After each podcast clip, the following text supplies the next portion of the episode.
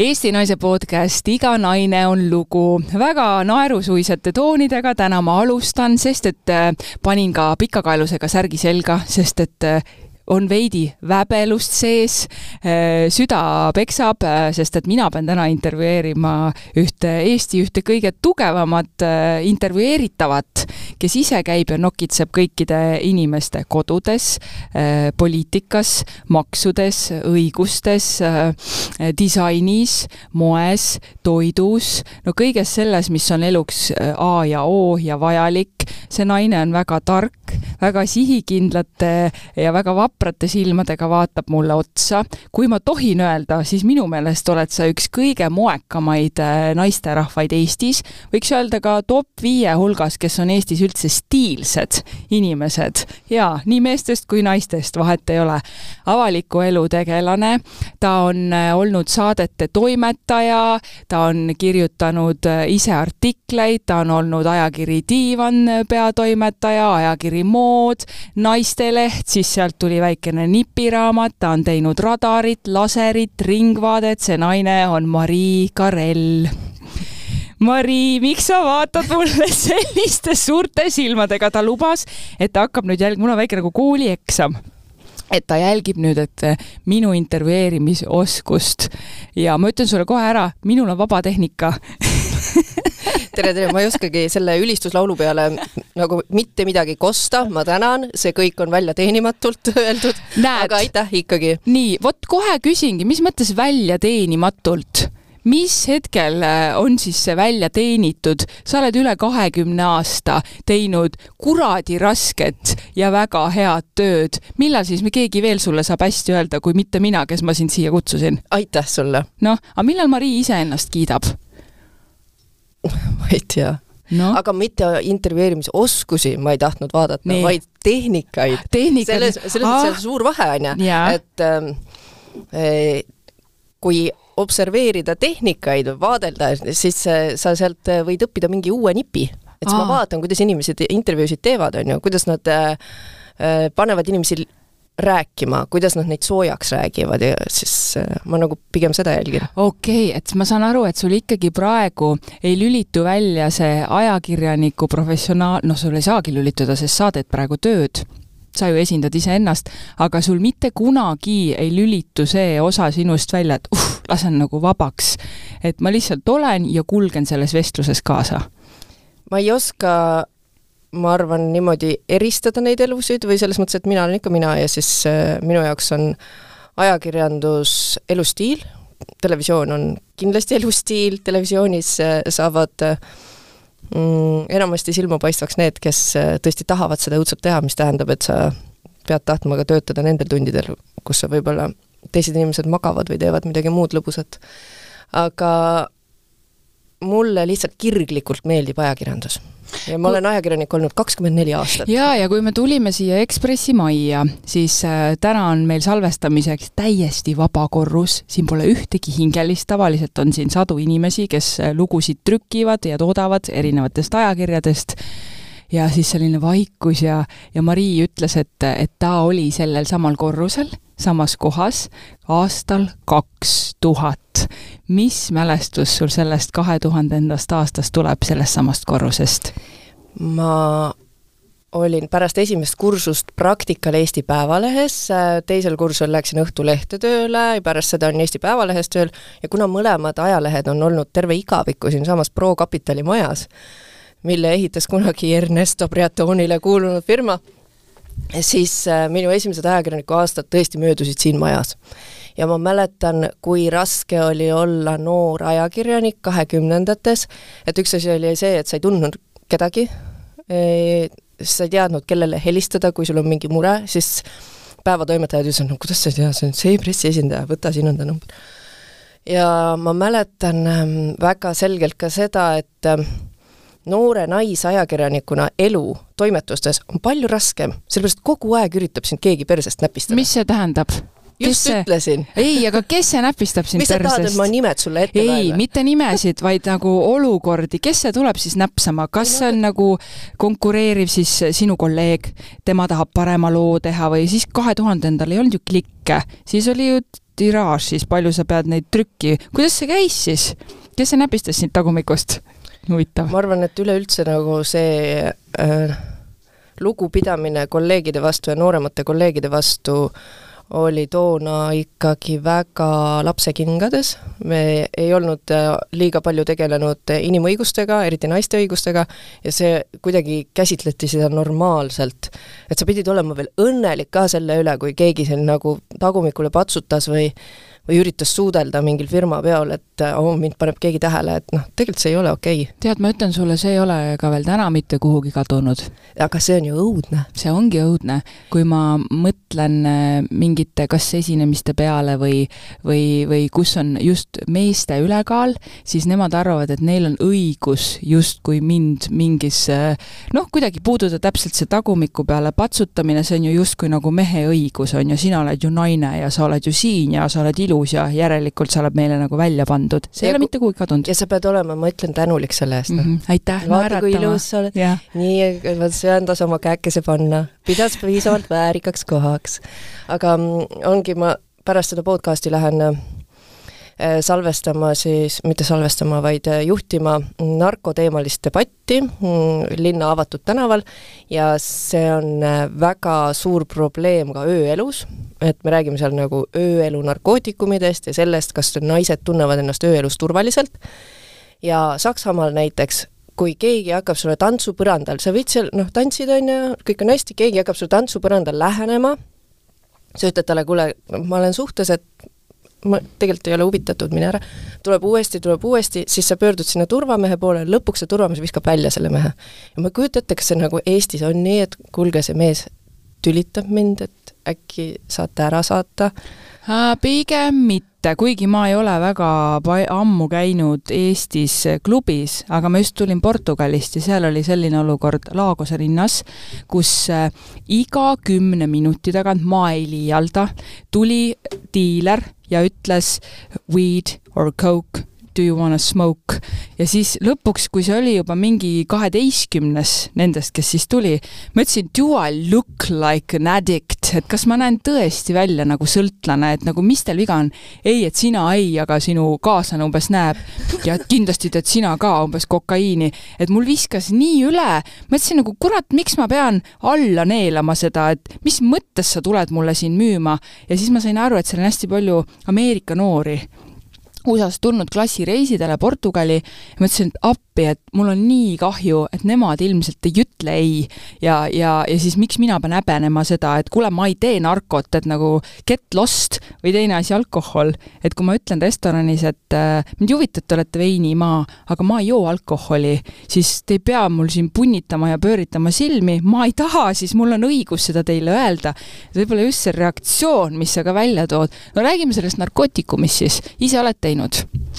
mitte, viimasel ajal mm. -hmm. aga ma arvan, et väga raske on leida nagu kedagi, kes ei oleks äh, kunagi proovinud mm. -hmm.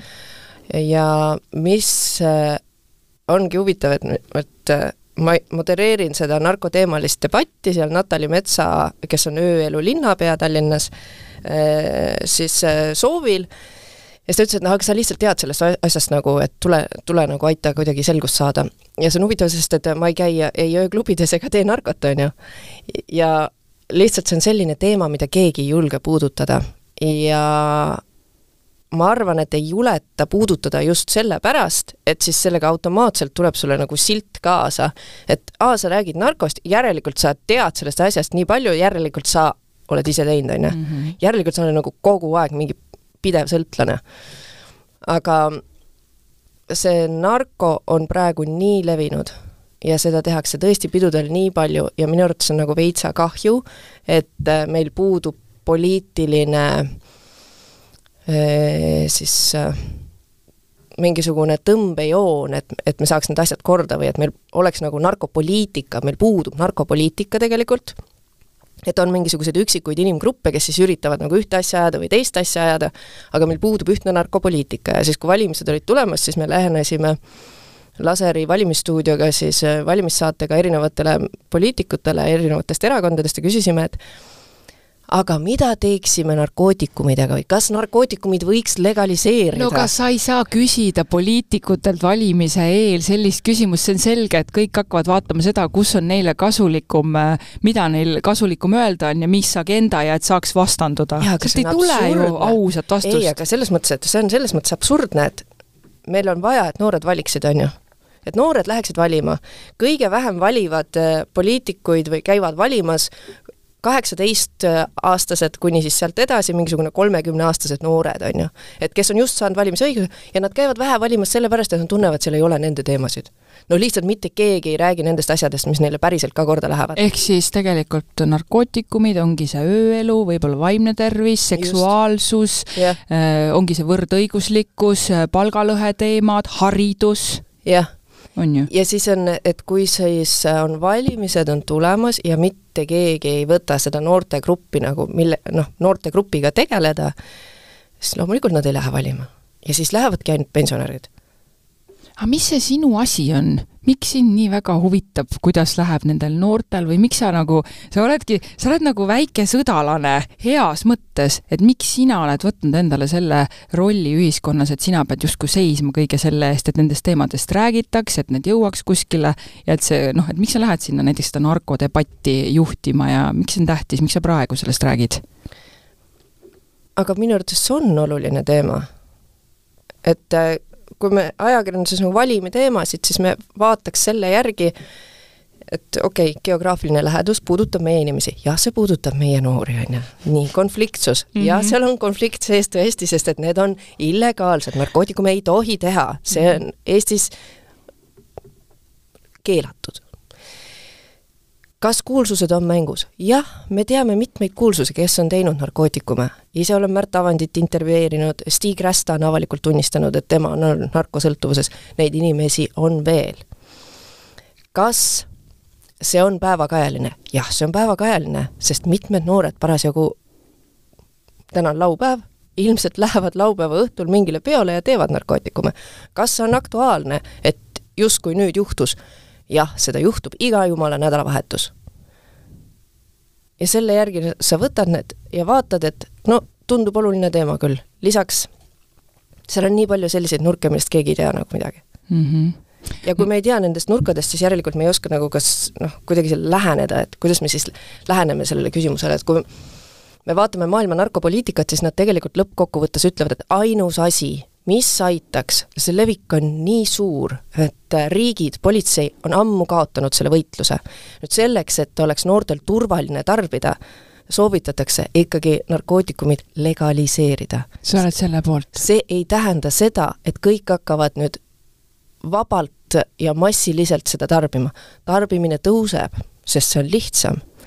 aga samas täpselt samamoodi, nagu on viinaga näiteks poes või alkoholiga, siis nad ostavad seda toodet mis on kontrollitud, mis tähendab, et meil oluliselt peaks kukkuma narkosurmade vähenemus. isegi Island Soundil, ma mäletan neli aastat tagasi, kui ma käisin, äh, siis äh, olid need noored poisid, kes tegid äh, sellise startup'i, nad mõtlesid välja selle vahendi, millega nad saavad kohe ära kindlaks teha, mis ainega on tegu.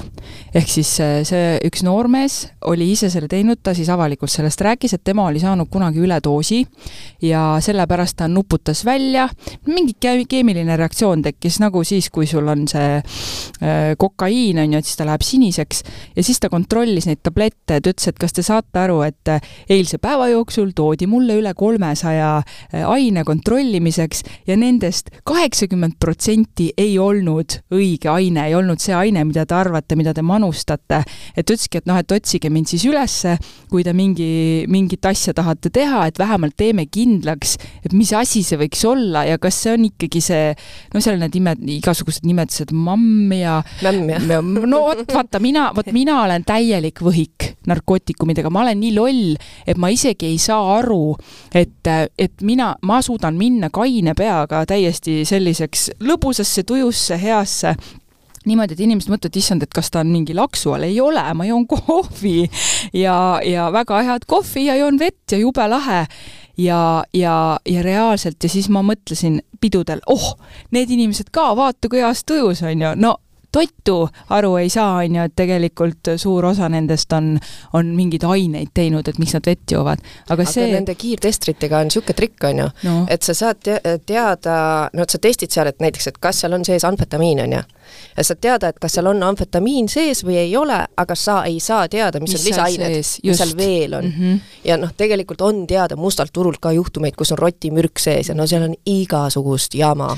mul äh, üks äh, tuttav töötab äh, ühes vaimuhaiglas ja, ja ma küsisin, et mis teil selles, noh, me ei räägi nüüd nagu isiklikult, mis seal täpselt kellega, mis patsiendi lood, ma ütlesin, kes need inimesed on, mis toimub. ütles, et meievanused inimesed, ehk siis äh, kolmekümnendate algus, kahekümnendate lõpp, kuni sinna kihvtid, targad, haritud, noh, täiesti normaalsed inimesed, kes meie kõrval on. Ja ongi psühhoos ütles, et narkootikumide tagajärjel tekib psühhoos, sest et ükski inimene ei tea, mismoodi sinu aju reageerib tegelikult nendele erinevatele ainetele, mis sa siis endale sisse oled tõmmanud. osadel ei juhtugi midagi osadel tekib kanepist, osadel tekib nendest kõikidest sellest keemialaborist, mis nad on endale sisse tõmmanud. ja ütles, et tead, kui kurb, tead, kui kurb ja kahju mul on neid vaadata, ütles, et aga ma vähemalt olen seal tööl, äkki ma saan kuidagigi aidata, eks ju, et nad uuesti rajale saada. ütles, et aga ma tean, et nendest jäävad ju korduvad patsiendid ja ma lihtsalt kuulan ja ma ei suuda seda uskuda, mida ma kuulen, see on päriselt nagu siin igal pool. ma arvan, neid inimesi on palju vähem, kes ei tee narkootikume no nad ütlevad, et äh, iga neljas inimene Eestis on äh, narkootikume tarvitanud. nüüd regulaarsete tarvitajatega, ma jään praegu hätta, ma arvan, et Tervise Arengu Instituut teab peast seda arvu, aga mis on murettekitav, on see, et äh, üha nooremas eas hakatakse tarvitama. Ja seal on nagu kaks asja, et esiteks noorte inimeste aju on plastilisem, jääb kergemini sõltuvusse, ei ole veel välja arenenud, on ju, ja teine asi on see, et mida varasemalt sa hakkad, on ju, seda kauem sa siis võid seda järjest tarvitada ja seda, seda suurem on tõenäosus, et sellest areneb välja mingisugune sõltuvus. ja, ja see on nagu asi, millega noh, Soome on oma narkopoliitika suunanud konkreetselt noortele, et saada seda esimese katsetuse piiri võimalikult vanemasse ikka et sa ei hakkaks seal neliteist, viisteist, koolistress, kõik asjad, no võtan mingisugune mm, erguti, et mis aitab mul rohkem õppida ja nii edasi, on ju. et nad on püüdnud oma narkopoliitika suunata noortele meil on muidugi niisugune narkopoliitika üldse puudu, noh. Mm, meil ei olegi seda, kes üldse tegeleb, Natali Mets võikski selle enda mm. peale võtta, kui ta on juba nagunii meil ju ööelu eest vastutab siin, tegelikult võiks ju, see on täiesti eraldi, seal peaks olema suur meeskond, kes sellega tegeleb. no Tervise Arengu Instituudis tegeletakse, aga probleem ongi selles, et poliitikud võtavad vastu seadusi, on ju, nemad saavad suunata ühiskondlikku siis tolerantsi või seda suhtumist ka, et kui meil keegi ütleb, et aa, ma olen tarvitanud narkootikume, narkootikume, siis automaatselt sa oled narkomaan aga noh, see ei ole ammu enam see, et samamoodi, kui inimene võtab klaasi veini lõunasöögi kõrval, siis talle ei öelda alkohoolik, on ju.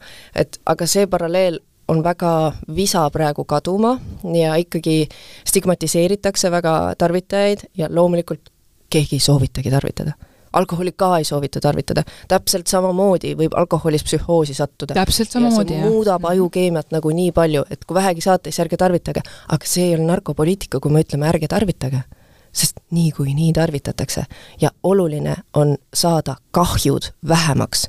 kahjude vähenemise programm oli näiteks Tail olemas, nad tegid ööhaldjad, saatsid ööklubidesse ja neil kestis see programm näiteks poolteist kuud või kaks kuud, kus siis äh, ööklubides, Hallis, Svetas, äh, Hollikas oli ka minu arvates seal programmis, käisid ringi noored tüdrukud, äh, neil olid see T-särgid seljas, kahjude vähendamine ja nad pakkusid Äh, siis klubis äh, pidutsejatele pulgakommi, puhtaid kõrsi, nätsu ja mis jaoks ma just tahtsin küsida, mis jaoks pulgakommi, mis sa teed sellega? kui sa oled teinud äh, mingit ainet, siis äh, sa ei suuda nagu kontrollida oma suulihaseid. lõug hakkab sõitma niimoodi. ja siis selleks, et sa ei sööks ära oma keelt või siis sise neid põskesid, siis selle jaoks on hea pulgakomm. tõsiselt? No mitte, et ma nüüd tahaksin jagada nippe, et kuid-, kuidas ennast nagu, aga me räägime nendest tööhaigutest, mida, jaa, just kahjude vähenemisest. nii, teine okay. kahjude vähenemise nipp oli neil see, et noh, et miks kõrsi, on ju. ja siis ma küsin ka, et mm, kellele sa neid annad. ja siis äh, tüdruk ütles, et noh, et kui ma näen, et äh, käib WC-s nagu sihuke, kuuled et siis ta vaikselt läheb, ütleb mmm,, mul on siin puhtad kõrred, et teid on siin neli tükki, et ma annan neli kõrt, et siis igaüks saab tõmmata oma kõrrega, et siis harilikult vastatakse selle peale, et oi, ma ei, meie ei tea midagi sellest. teate või ei tea, võtke need kõrred, enjoy, ilusat pidu, olge rõõmsad ja see on päriselt reaalselt Eestis mm -hmm. toimuv asi, ma oleks nagu kuu pealt kukkunud. see on toimunud mm -hmm. asi ja mis see puhta kõrre mõte on siis see, et sa ei levita edasi viiruseid või nagu mingisuguseid muid nakkuseid, et äh, aga Mari, meid kuulavad naised no., kellel on lapsed. Äh, ma, ma julgen täitsa niimoodi puusalt pakkuda, et võib-olla niisugune kolmeteistaastasest hakkab see pihta või on see varem juba, mingid narkod ja katsetamised ja asjad. kuidas aru saada et mu laps tarvitab narkootikume, kuidas saab aru? ma ei tea seda, ma tõesti ei tea, selles mõttes, et ma ei ole nagu selles osas ekspert, et eks nad ikka üldiselt soovitavad, et kui sul lapsed on, siis püüa nendega tegeleda, on ju. et siis sa saad ise aru, kui ta hakkab teisiti käituma aga noh, ongi, et jääb oma tuppa liiga, siis äh, kükitab seal, ei taha välja tulla, tujud muutuvad, äh, ilgelt väsinud on, koolis õppeeduks langeb, äh, hinded on korrast ära, sotsiaalsed oskused on vähenenud, aga kõik need asjad, mis ma nimetan, võivad vabalt olla ka mängusõltuvusest mm. -hmm. ja nüüd nüüd ongi küsimus, et kas need on kuidagi erinevad sõltuvused, et üha enam leidub psühhoterapeute ja psühhiaatreid, kes ütlevad, sõltuvus on sõltuvus. seal ei ole vahet, kas see on mängusõltuvus, narkosõltuvus, alkosõltuvus, see on mingisugune häire, mis sul ajus on, mis tekitab sõltuvust. no Rita Rätsep rääkis, et tema kõige noorem äh, klient oli Äh, kaheaastane või isegi natuke alla kahe aasta laps, kellel oligi nutisõltuvus ja see oli nii räige, et, äh, et noh, see oligi nii räige, ta ütles, et juba, juba inimene on muutunud, ta on kahene. ja ütles, et nüüd ta on juba kuueseks-seitsmeseks saanud ja ikka ta veel maadleb selle lapsevanemaga mm. -hmm. saad aru, et isegi lapses ju pole probleemi, ega siis laps ju kohe ei lähe endale mm -hmm. haarama seda tabletti või noh, ma mõtlen eh, mängu, mängu ja, ja siis seda nutitelefoni, vaid meie vanematena anname ju selle asja kätte. Kas... aga mõtle, see vanem ei saagi kunagi teada, et missugune on selle lapse siis isikuomadused naturaalselt, et missugune isiksus ta oleks, kui tal ei oleks seda sõltuvust kuidas sina oma pojakest hoiad, ta on nüüd kümme? Jaa, ei no meil on ikkagi piiratud see aeg mm -hmm. ja selles mõttes, et ma näen, et kui, kui kergesti tegelikult mõjutab see nutis olemine käitumist ja mida väiksem laps, seda rohkem. ja siis noh, vahel öeldakse ka, et no ma ei tea, lihtsalt ma ei tea, jonnib või nii, nelja-viieaastane, et no tal on mingisugune paha tuju, noh tegelikult sa pead vaatama, kas ta magas piisavalt kas ta käis pissil, kas tal on kõht täis, kas ta ei saanud liiga palju impulsse kuskilt äh, mängust või ekraanilt, on ju.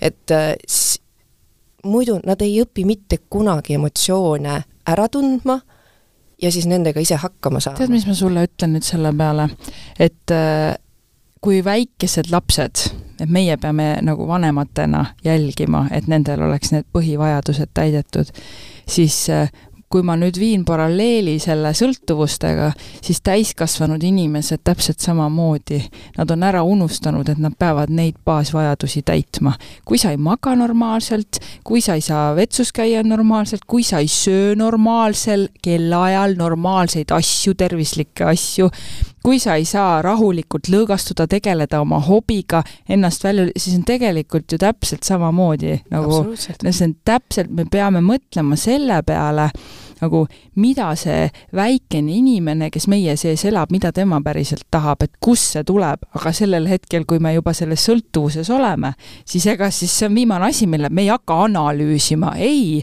me tahame kiireid lahendusi, me tahame laksu kirja saada. ja täpselt samamoodi on lastel see, et kui noh, tahaks kiire lahenduse vanemana, et ära jonni siin nurgas, ma annan talle mingi seadme, siis ta jääb vait, on ju. Mhm. et aga see on tegelikult nagu probleemi edasilükkamine, on ju. Mari, äh, ma ei taha nüüd siia narkoteemasse liiga tugevalt sisse jääda, aga mind huvitab, et miks sina miks sina tahad nokkida kogu aeg nagu nendes rasketes teemades, kas see ei väsita sind? tead, see on äh, mõnes mõttes nagu uuriva ajakirjanduse paratamatus, et äh, kui uudised vahendavad äh, lihtsalt päevasündmusi, juhtus see, sellega ja nii edasi, et seal ei ole ambitsiooni kuidagi maailma muuta, siis uuriva ajakirjanduse ambitsioon on absoluutselt muuta maailma õiglasemaks, paremaks, võrdsemaks kõigile. E, ja ma olen vist seda piisavalt kaua teinud, mhm. et see lihtsalt on mu sees, ma tahaks, et asjad oleks paremad. kas see ei väsita sind kuidagi või sul ei tule sellist läbipõlemist või la-, langust või, või kuidas, kuidas see võimalik, või sa, või sa oled selline tüüp, ma ei tea, kuidas see võimalik on, sa oled äkki tüübilt selline, ma ei tea. aga lähme nende asjade juurde tagasi, on ju, maga, tee trenni, siis äh, söö normaalset toitu, joo piisavalt vett, et mm -hmm. noh, hoiad režiimis, ei ole probleem. aga kuidas sa oma aju välja lülitad? Nende samade asjadega aa, needsamad, mis sa praegu yeah, lootlesid, ikkagi yeah. need, see A ja O, mis meil on vaja yeah. selleks, et elus püsida, okei okay.. ja kui mul on väga intensiivne võtteperiood, siis ma olen nagu, ikkagi mul ongi režiim. ma lähen õhtul kell kümme magama, siis mul on lihtne hommikul kell viis, viis-kuus ärgata, ma teen oma trenni, mingisuguseid tööasju ja siis ma olen nagu selles tsüklis ja mul on nii palju lihtsam kui oota, mis see tsükkel on siis, see hea tsükkel? anna, no anna siis mulle ka, sa ärkad ka vara. aga seda ei ole nagu niisugust universaalset olemas, et esiteks nagu mida soovitavad uneuurijad, et sa pead aru saama, millal on sinu sobilik unetsükkel mm, -hmm. selle järgi saad siis oma päevarütmi paika ajada, on ju. et kas see sinu kõige sügavam uni on kaheteistkümnest kaheksani või mis kellast, mis kellani see on? minu kõige sügavam uni on kümnest kuueni. oled sa teinud selle DNA testi ka ära? ei ole. mina tegin selle ära Tartus seal Jaak Maa kliinikus mm, -hmm. need veretestid, või süljega tehti need, ja, ja kas sa oled hommikune ärkaja või noh, see, seal kolm tükki on, ja tegelikult see päästis just seesama, mis sa räägid, et ma -hmm. sain teada, et mina olen selline keskmine, ma võin vara ärgata, kui mul on vaja, ja ma võin ka kaua üleval olla, kui mul on vaja, aga mul on vaja saada niisugune üheksa tundi und.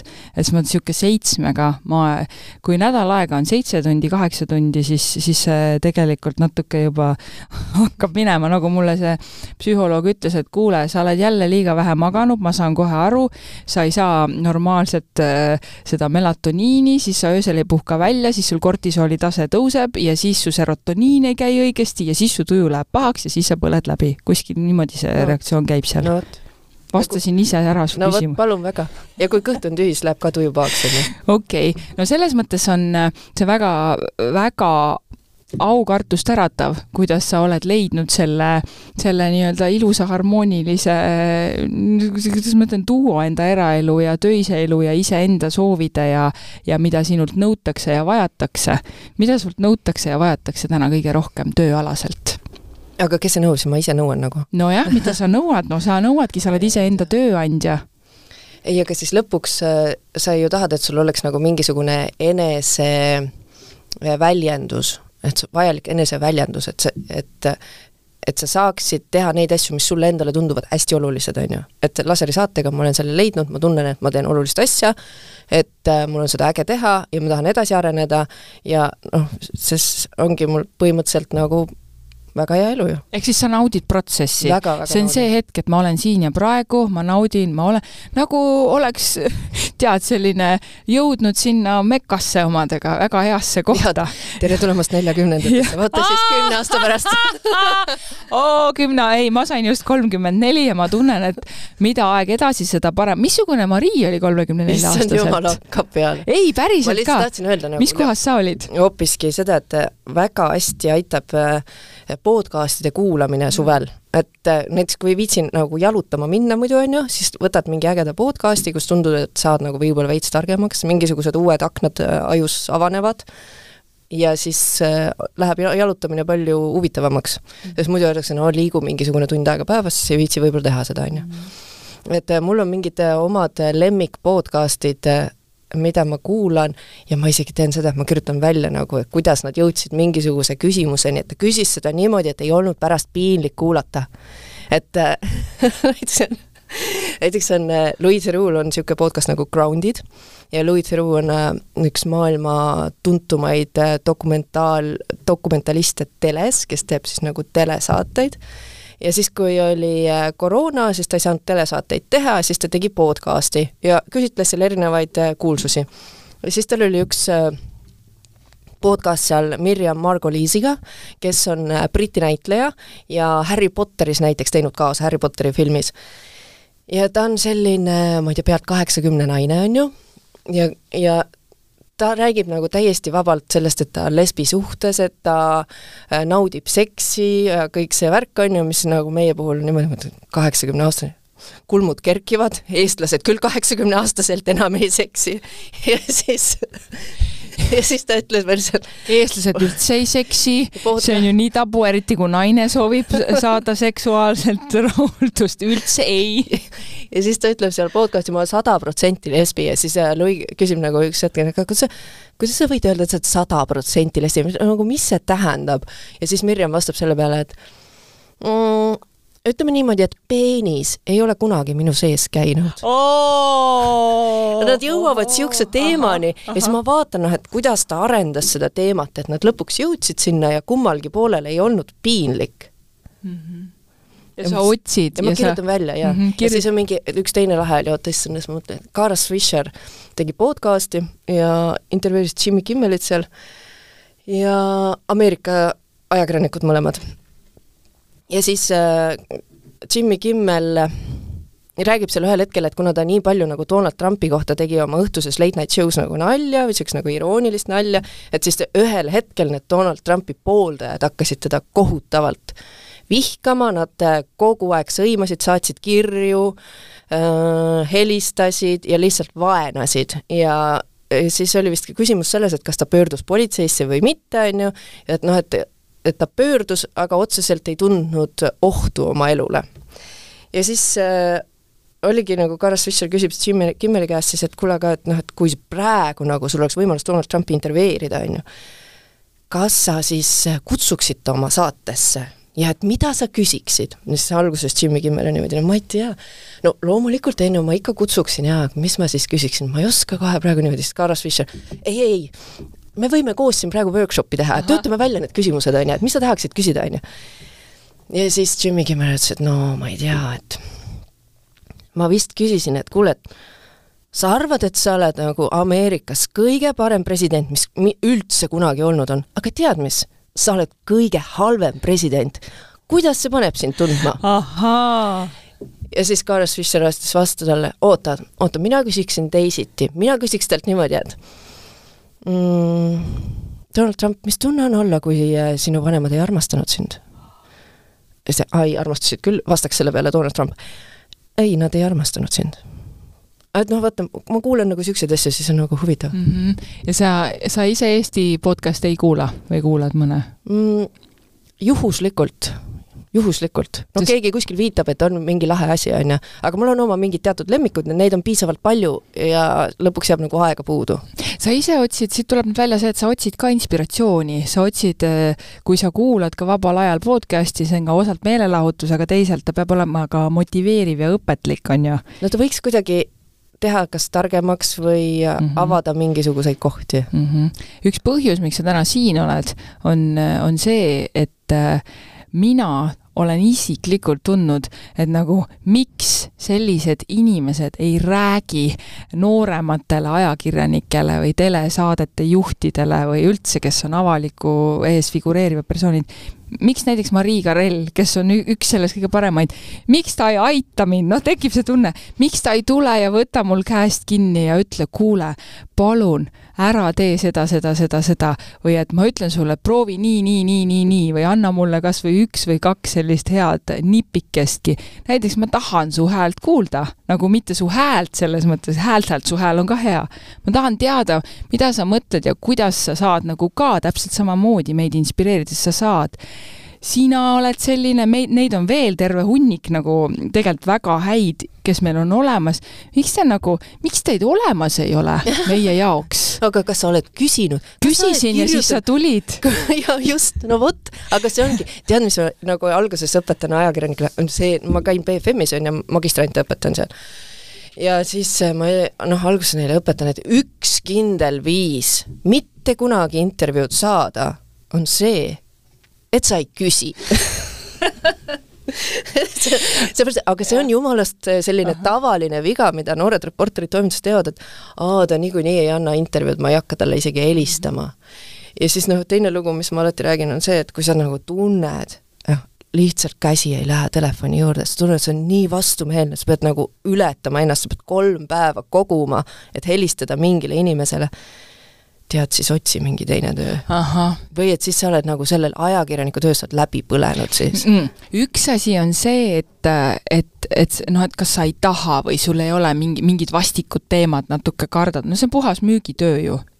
Ja see on puhas kommunikatsioon, sa pead lihtsalt suhtlema nende inimestega, ükskõik, mis ta sulle sinna ütleb, on ju.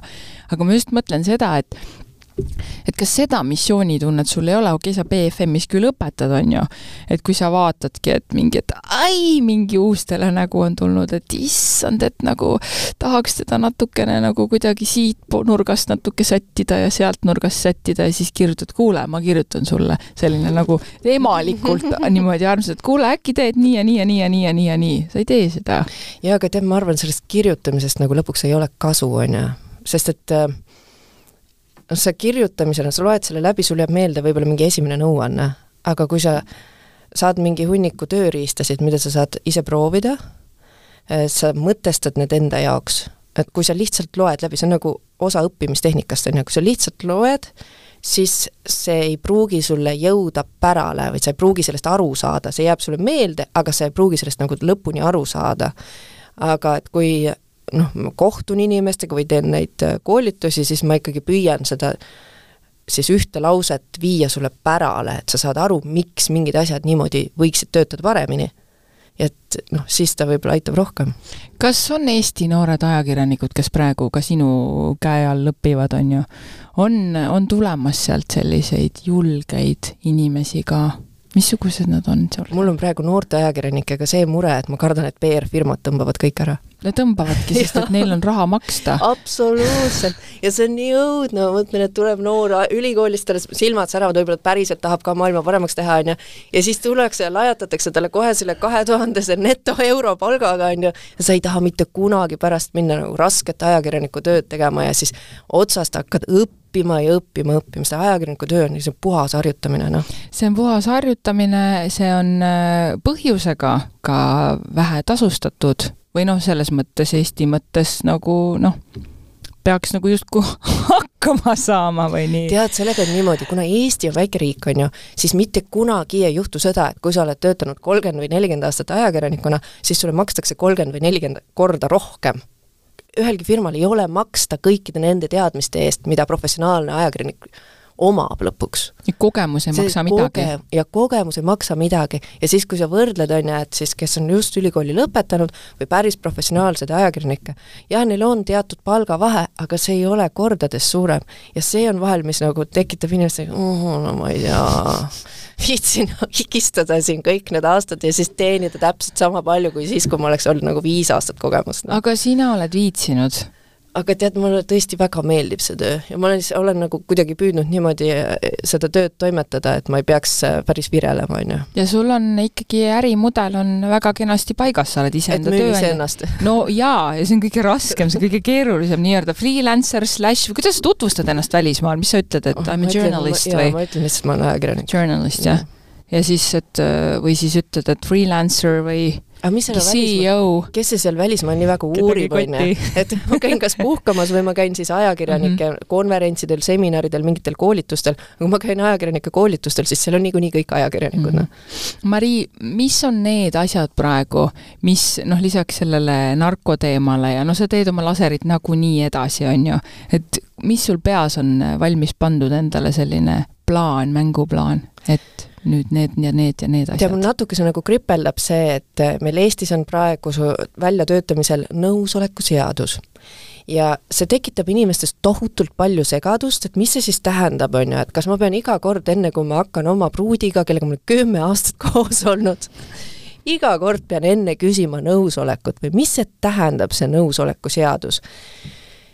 ja seda on ähm, selle võrra veel keerulisem selgitada, kui Riigikogus istuvad isikud, kes viskavad nalja selle üle ja ütlevad, et mm, ma ei tea, mingi kirjaliku siis allkirja pean võtma enne või nõusoleku teadus, seadus tähendab seda, et enne, kui asutakse üldse kontakti, sa saad aru, kas teine pool on innukas või ei ole. kas ta nagu lahkelt on nõus või ei ole. Et seda on hästi hea võrrelda tee joomisega, isegi Youtube'is on üks klipp olemas, eesti keelde ka tõlgitud. kui inimene ütleb, ma ei taha praegu teed, sa ei vala talle meelega seda kurku, see tähendab, keelt ka kurku ei aja siis, on ju. kui inimene parasjagu magab, siis sa ei paku talle teed või ei vala seda talle kurku. kui inimene parasjagu on purjus ja oimetu, siis sa ei vala talle meelega teed kurku.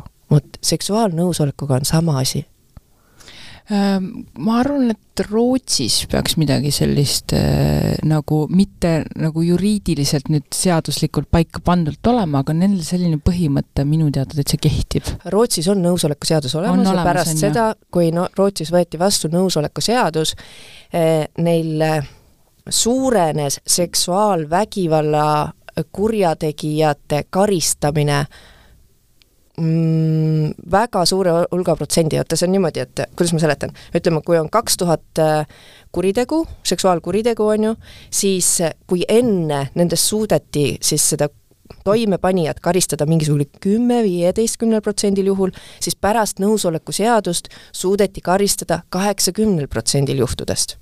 Mm.. ja see tuleb sellest, et äh, kui sa lähed kohtusse siis sul on nõusoleku seadus, mis võimaldab kurjategijat küsitleda.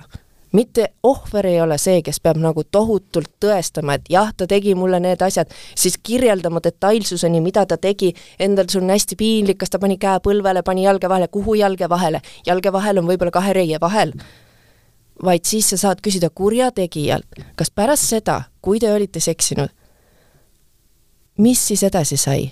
Kas see tüdruk lahkus rõõmsa meelega, andis oma telefoninumbri ja lehvitas sulle ukselt? või ta jäi oimetuna sinna madratsile? või ta hästi kiiresti kahmas kõik oma riided, läks minema ukse paukudes ja ei võtnud sinuga enam kunagi ühendust. Need on täiesti erinevad käitumismustrid.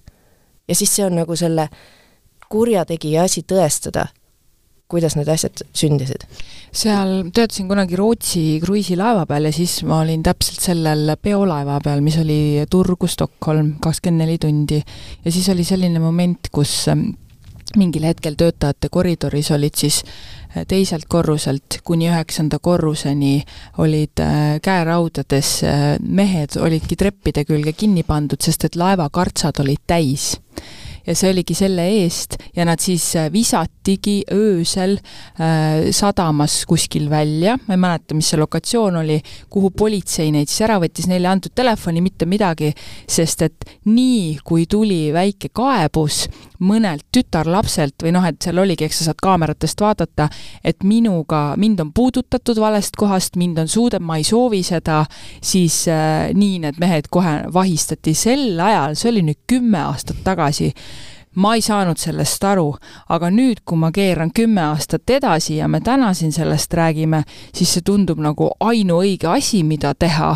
miks ma pean üldse samal laeval veel mõne tunnigi veetma inimesega, kes on tunginud nagu minu isiklikku ruumi, kes on mind puudutanud ebasündselt või vastikult. meil on seda arenguruumi, me tahame olla väga Rootsi, väga Skandinaavia, me ei taha olla see Eastern Europe noh, me ei taha ju, kui me reisime ka, ei taha öelda, et me oleme osa Venemaast, kunagisest Nõukogude Liigust, me ei taha seda öelda. Aga ometigi meil on nagu raske järgi tulla, ma just mõtlen seal Riigikogu tasandil. Ma ei hakka teravaks minema, see ajab mind närvi, pole minu asi närvi minna nende asjade peale, see on Marii ülesanne. Kõik need meile ette sööta ja, ja seda siis nagu kõvemini nii-öelda karjuda. Mm, üks asi on siis see mis see oli nüüd siis sõna, mis see oli, jah, mis seadus nõusoleku seadus. nõusoleku seadus. aga sellel, selles mõttes, et äh, Eesti naised on nii harjunud ahistamisega, et need vahel, noh, see tundub nagu, ma ei tea, nii harjunud sellega, ma ei viitsi kaevata nagu iga asja peale, aga tegelikult ei peaks, noh, see ei ole võrdne ühiskond, kui sa ise oma keha ei saa käsutada. ma ütlen, mulle ei sobi, kui sa seda niimoodi teed, on ju, et siis sul peab see õigus olema Marii, sa oled selline võitleja, me oleme siin nelikümmend viis minutit rääkinud äh, rääkinud sellest, mille eest me väga tulihingeliselt äh, võitlemas oleme, mida sina oled. mis sa selle nõusoleku seadusega siis ise tegema hakkad, mis sa laseri saates sa hakkad sellest tegema? ma ei oska praegu sulle täpselt öelda, aga ma arvan, et me seda teemat käsitleme kuidagi, aga ma ei tea veel täpselt, kuidas, sest et vaata, praegu on juuni, on ju, ja praegu ma kavatsen kuidagi patareisid laadida, hästi mm -hmm. palju lugeda, hästi mm -hmm. palju kuulata, hästi palju no, vaadata mingisuguseid ägedaid äh, telesaateid, kui ma vähegi saan, ja ennast koolitada, et mul oleks äh, sügisel mida vaatajatega jagada. kas sa oled ka päriselt elus sekkuja? mina olen see hästi sekkuja, mina pean mm -hmm. kohe minema nagu takistama ja kõiki mm -hmm. nagu aitama, mida sina teed? Tead, ma ikka sekkun, aga tegelikult ei tohiks seda vist teha nii palju, et ma tulin siia ka rattaga, on ju, ja siis jälle üks mees oli ennast parkinud keset rattateed ja lihtsalt no ei saa ümber ega üle, ei saa sealt ümber auto minna, sest vastu tulevad teised autod, on ju, siis ma küsin, mis sa teed siin? aga ah, ma korraks peatusin. okei okay. siin ei tohi peatuda. Ja see, ja noh, ma tean, ma saan iga kord sõimata, see on täiesti mõttetu. teiseks, kui nad tunnevad ära, siis nad pärast nagu nii vastik mõrd oli. ma ütlen sulle ausalt, mina ühe korra olen seda viga teinud, äh, kolmekümneks sekundiks ootasingi nagu sõbrannat ja saad aru, siis ma sain, ja ma sain niisuguse laksu kirja. no mina olin siis see autos, on ju. ja siis ma sa-, vaatasin, oota, oota, mis asja, mis need reeglid meil üldse on, oota, ma ju seisan nagu keset seda rattarada praegu. Ja siis üks äh, rattur sõit- ja saad aru, ta näitaski mulle fakki. noh, ikka väga vihas, ja siis ma sain aru, mul oli nii häbi, mul oli nii häbi ja seda, ja mul jäi see nagu meelde, mina olin see tropp, kes selle, no seesama tropp, kes selle nagu, mis siis, et see oli kolmkümmend sekundit, aga ma ei tohtinud seal peatuda. aga see on ka see, et, et see tuleb tegelikult meelde tuletada, ma ei tea, mis see liikluseeskiri nagu nõuab, on ju. et kui see on see punane joon, siis ma saan aru, ma ei tohigi seal üldse seisma jääda. ma üldse ei tea, kuidas nagu tulnud see mentaliteet inimestes, et okei okay on peatuda kõnniteel ja rattateel mm, -hmm. aga miks ei võiks seda teha autoteel? kui sa nii korraks ei. peatud, lihtsalt jää keset seda sõidurada seisma ei peale... oota, mina räägin selle lõpuni no., mina olin ikkagi, see oli sissesõidurada, see oli parkla, see oli parkla ja siis sealt jooksis veel see punane joon edasi. ma ei, selles mõttes ma ei seisnud nagu kõnniteel ega nagu lihtsalt rattatee jooksis sealt veel edasi, ma jäin talle nagu ette nurgaga mm. niimoodi ja siis nad olid väga häiritud. ei tohi, ma saan aru, ei tohi ilgelt paharett olen praegu. no rattal, no need punased rattad, noh, see ärritas sind. nii? noh sa rääkisid oma lugu, et see, et sind see ärritus ja käivitas. ei, sa küsisid, et kas ma sekkun, noh, no ma sekkun. nii, ja mis nagu siis sai? üldiselt soovitan vaimse tervise huvides mitte sekkuda. okei okay,, ühesõnaga, et no, ärge sekkuge, aga sa sekkud. ei olnud, on ju, mhm. et mõlemad pooled läksid närvi, aga no see on natsa nagu nõme sest et see, kui me noh, räägime mingitest noorteprogrammidest, et kiusamine on ja narkootikumid, siis me üldiselt, see on seal igal pool on punkt sees, kui sa näed, et keegi teeb midagi kurja, käitub halvasti, palun sekku, sest kui sa ei sekku, siis sa oled samamoodi, sa oled nagu kaassüüdlane. et kui sa näed, et bussipeatuses on ju, narritakse kedagi, rõvedalt sõimatakse, siis ütle, ütle palun, nii ei tohi teha, see ei ole ilus. mis sa arvad, kas tal läheb sellest tuju paremaks? no ei lähe, ma siin noogutan, raputan raputan pead siin, no ei lähe. ma, ma olen ise hästi palju ah, ühistranspordis näinud pedofiili, kes äh, salaja pildistab äh, noori tüdrukuid, noh, kui nad suvisel ajal istuvad seal kuidagi, noh, niimoodi, tead. ja mis sa äh, tegid? Tõusin püsti, ütlesin, no vene keeles on ju, see oli vene keel, ma ütlesin, mida sa teed, on ju, pane, lõin selle telefoni nagu käest, on ju, ma ütlesin, kas sa saad, ma ütlesin, sa oled pervert, ma hakkasin, ma lähen nii Hakkasid närvi. ma hakkasin sildistama, ma lähen nii noh, emotsionaalseks, nii ei tohi, onju. no tegelikult nii ei tohi. aga need tüdrukud kohkusid ka ära, onju. ei, ma ütlesin, ma ju näen, mida sa teed, sa oled ikka täielik pervo, ma ütlesin, ma panen sulle endale praegu. ja siis mind ennast on katsutud ühistranspordis mm, -hmm. siis ma panin vastu nägu mm, -hmm. slap ja siis noh, keegi ümberringi ei saa aru, siis ma hakkasin kileda häälega karjuma karjuma.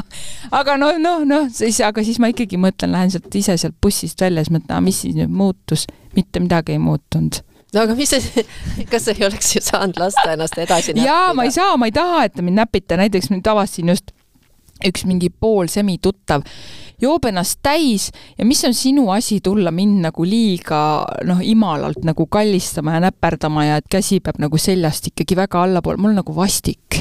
et nagu siis ma võin su ära lükata, kuule nagu aura ära malkaaurudega onju. ja see on iga naise õigus. no Marii seisab naiste õiguste eest, äh, meie eest ka, minus kohe ka nagu äh, natukene läheb see mm, jälle see meerik nii-öelda läheb õigesse kohta tagasi nagu, et jah, ma pean ka natuke sõdalane olema. Sa oled naiselik ja pehme ka vahel või? issand, mis küsimused? Jesus Christ. Mis?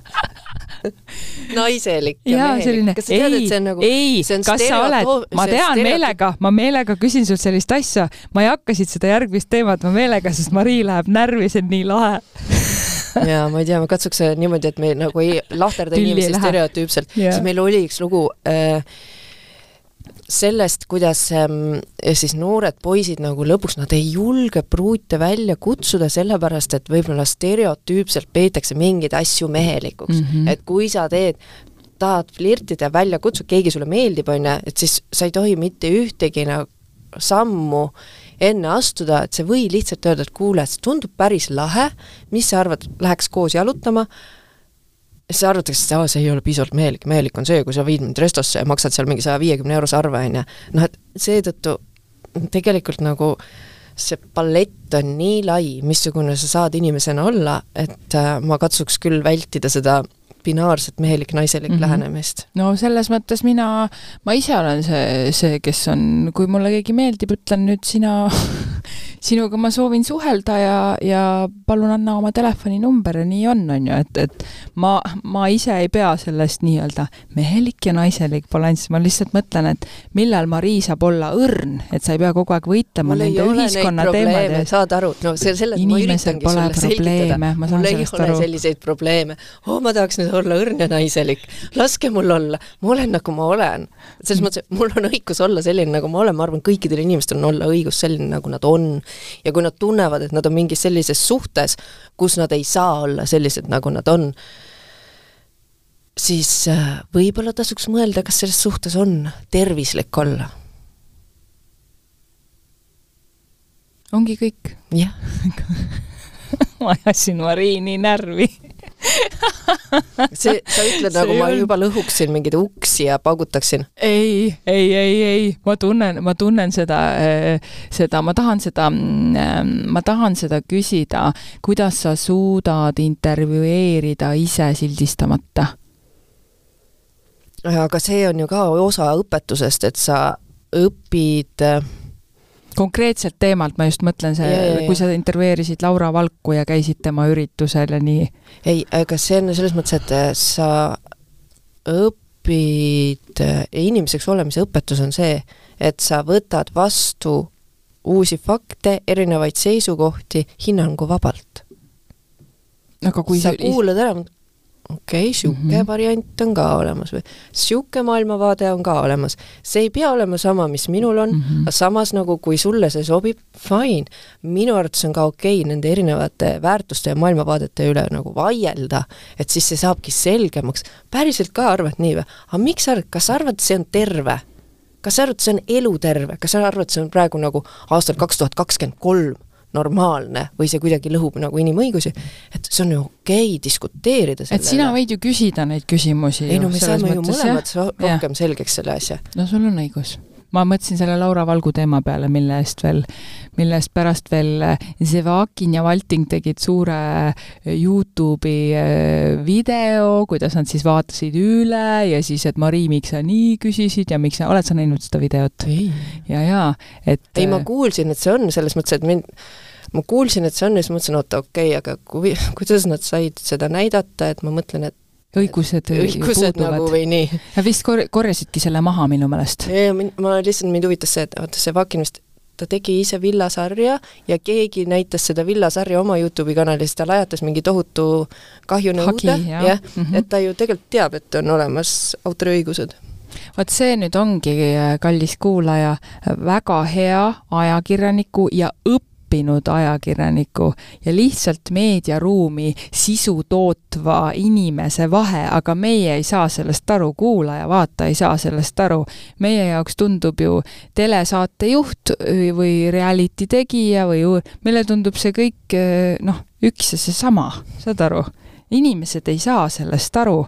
aga et, pole ka vaja kõige mis... peale oma pead kulutada olgu, ärme kuluta Mari, ma soovin sulle äh, jaanipäevaks äh, mõnusat olemist, kui sa tahad raamatut lugeda, mida sa ilmselt teed ka, lähed sa jaaniussi otsima, mis see sinu traditsioon on, mis teed jaanipäeval? meil on omad traditsioonid oma oma maakülakeses, me teeme seal om, omi asju, sinna juurde kuulub äh, naljamängud ujumised koosolemised no igatahes aitäh sulle, et sa, et sa tulid meie podcasti ja et sa andsid meile väga palju uusi mõtteid, kas või selle seaduse kohta, mida mõelda, nendest narkootikumide teemadest, millest võiks rohkem rääkida ja iseenda peale ka vaadata, millal viimati tegid, kallis kuulaja, mõne droogi või mõne joindi või mis iganes nimetustega need asjad on ja Marii, sulle ma soovin, et sa alati seisaksid selle eest, mis on sinule tähtis ja see ongi ja ole nagu oled. see on väga lahe mõte. aitäh sulle